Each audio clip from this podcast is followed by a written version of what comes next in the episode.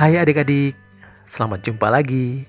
Semoga hari ini adik-adik dalam kondisi sehat dan tetap terus bersyukur atas apa yang sudah Tuhan berikan saat ini dalam hidup adik-adik. Oke, sekarang kita siapkan bahan saat teduh kita hari ini yang terambil dari 1 Samuel 17 ayat 45 sampai 47. 1 Samuel 17 ayat 45 sampai 47. Sudah dapat bahan Alkitabnya?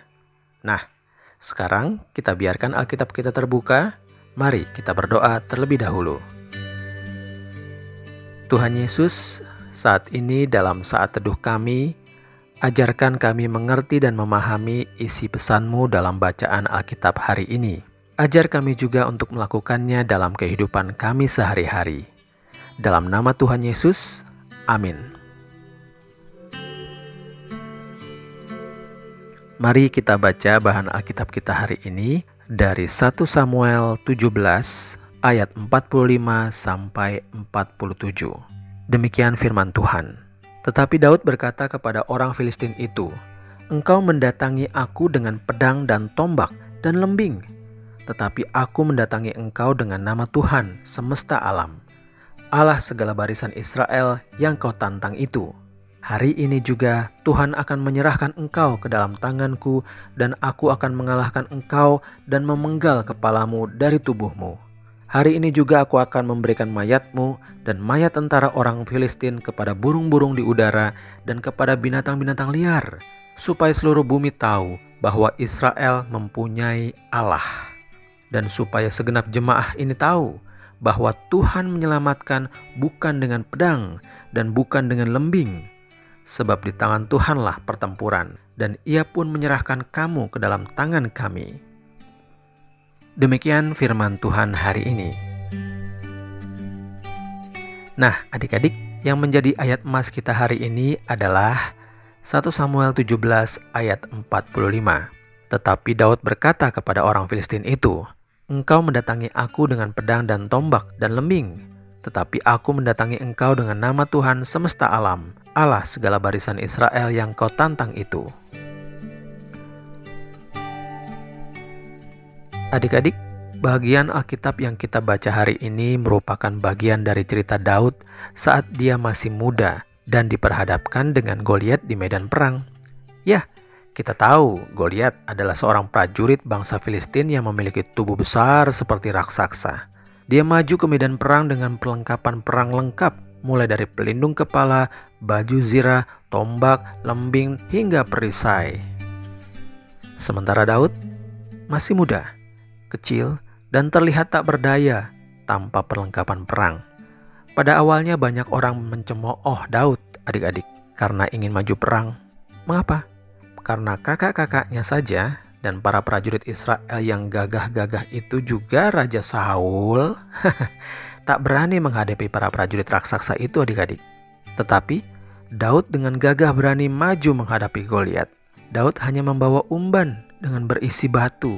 Loh, kok bisa ya Daud berani dan percaya diri seperti itu? Kalau adik-adik bertanya seperti itu, jawabannya ada pada ayat emas kita tadi. 1 Samuel 17 ayat 45. Tetapi Daud berkata kepada orang Filistin itu, Engkau mendatangi aku dengan pedang dan tombak dan lembing, tetapi aku mendatangi engkau dengan nama Tuhan semesta alam, Allah segala barisan Israel yang kau tantang itu. Wah, luar biasa ya adik-adik. Iman Daud luar biasa besar. Dia percaya kalau Allah semesta alam yang ia sembah itu bisa menyelamatkan dia dan bisa membuat dia menang melawan Goliat raksasa tersebut. Wah, keren sekali. Bagaimana adik-adik? Apakah adik-adik mau seperti Daud? Kita tahu adik-adik, akhir pertempuran Daud melawan Goliat, Daud berhasil menang. Ya, Goliat kalah. Adik-adik ingin seperti Daud, berani menghadapi apa pun yang ada dalam kehidupan adik-adik. Mengapa? Karena Allah lebih besar dari apa pun juga di bumi ini. Tuhan semesta alam, Tuhan Yesus yang kita sembah. Allah segala barisan Israel bagi Daud adalah Allah Bapa kita yang kita sapa dalam nama Tuhan Yesus Kristus. Adik-adik, judul renungan kita hari ini Facing the Giant, menghadapi raksasa. Bagaimana adik-adik? Apakah adik-adik siap menghadapi raksasa dalam kehidupan adik-adik? Bisa itu masalah, bisa itu ketakutan adik-adik. Bagaimana adik-adik?